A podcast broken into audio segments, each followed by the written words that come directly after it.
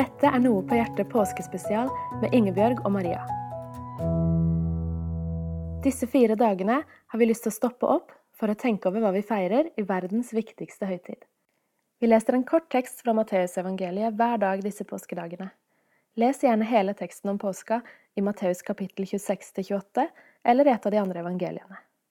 Vi anbefaler også en sang knytta til hver av påskedagene i beskrivelsen av episodene. Velsigna god påske!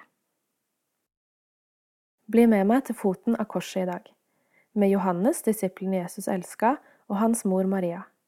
De sørger. Med røverne og soldatene. De spotter. Med den siste røveren, som ser det vi ser, en redningsmann. Ved korset i dag får vi løfte blikket og se Jesus lide, for vår skyld, for å frelse oss og gi oss mulighet til å leve i en relasjon til Gud igjen. Så får vi stå her ved korset i dag, vi som er skapt av Gud til å leve sammen med Han, men som er merka for livet av syndefallet. Vi som i egen kraft verken kan eller vil klare å leve livet våre sånn Han krever det. Vi som ikke tåler å møte den hellige Gud. Foran ham må vi falle på kne. Vi er bitte små foran den evige, store Gud. Ved korset får vi løfte blikket, ta det innover oss, feste blikket på Jesus, Guds sønn, Gud selv, vår redningsmann. Den eneste i verdenshistorien som har klart å leve det livet Gud krever av oss. Vår frelser.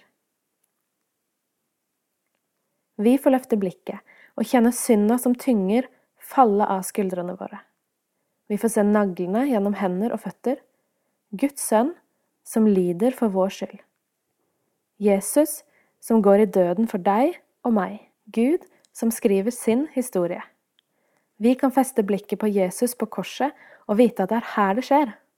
Frelsen blir vår fordi Jesus går i døden for oss og vinner seier for oss. Gjennom jødenes historie lærer vi Gud å kjenne. Israelsfolket kan ikke komme nær Gud.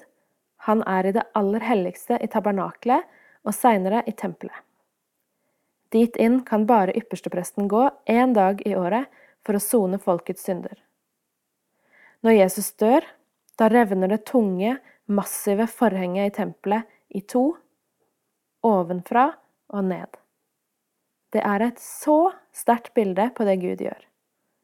På grunn av Jesu blod har vi nå frimodighet til å gå like inn i det aller helligste sted. Gud har lengta etter å være sammen med oss. Vi kan kjenne glimt av den samme lengselen i våre egne liv, men synda hindrer oss. Vi er avhengige av at Han gjør det mulig for oss, og nå er det mulig. Gud har strekt ut sin hånd. Mørket sprekker opp, og lyset slipper til.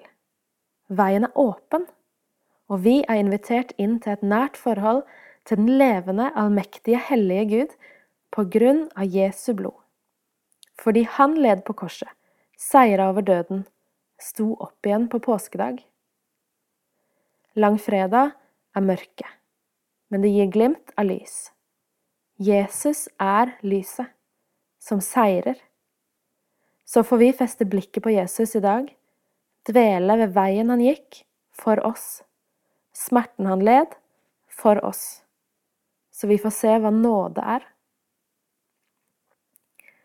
Derfor er langfredag noe fantastisk, en dag vi gjerne møter med ærefrykt og stillhet, men allikevel prega av at det er håp der foran, en dag vi møter med takknemlighet og ydmykhet.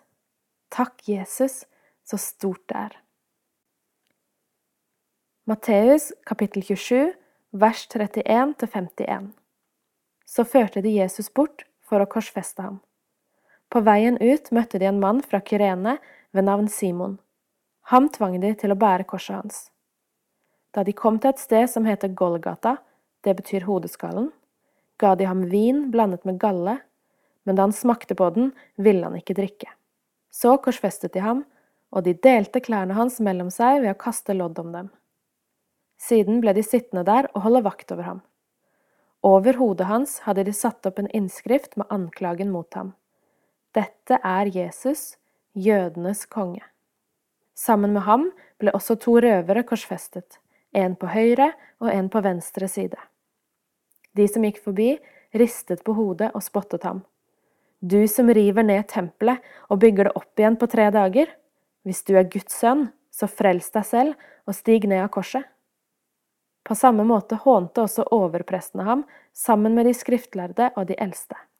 De sa, andre har han frelst, men seg selv kan han ikke frelse. Han er jo Israels konge, nå kan han stige ned av korset, så skal vi tro på ham. Han har satt sin lit til Gud, la Gud redde ham nå, om han har ham kjær.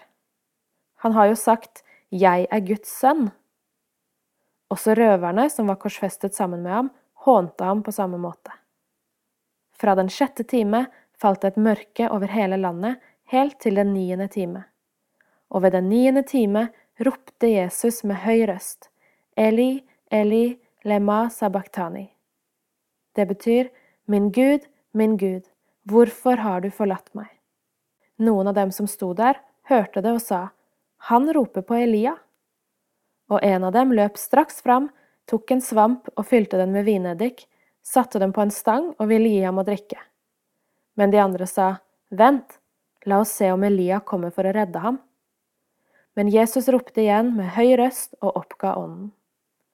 Da revnet forhenget i tempelet i to, fra øverst til nederst. Jorden skalv og klippene slo sprekker. Kjære Jesus, takk for at du døde for oss. Takk for at du kjempa for oss. Takk for at du seira for oss. Vi klarer ikke ta inn over oss all smerten du led. Takk. Amen.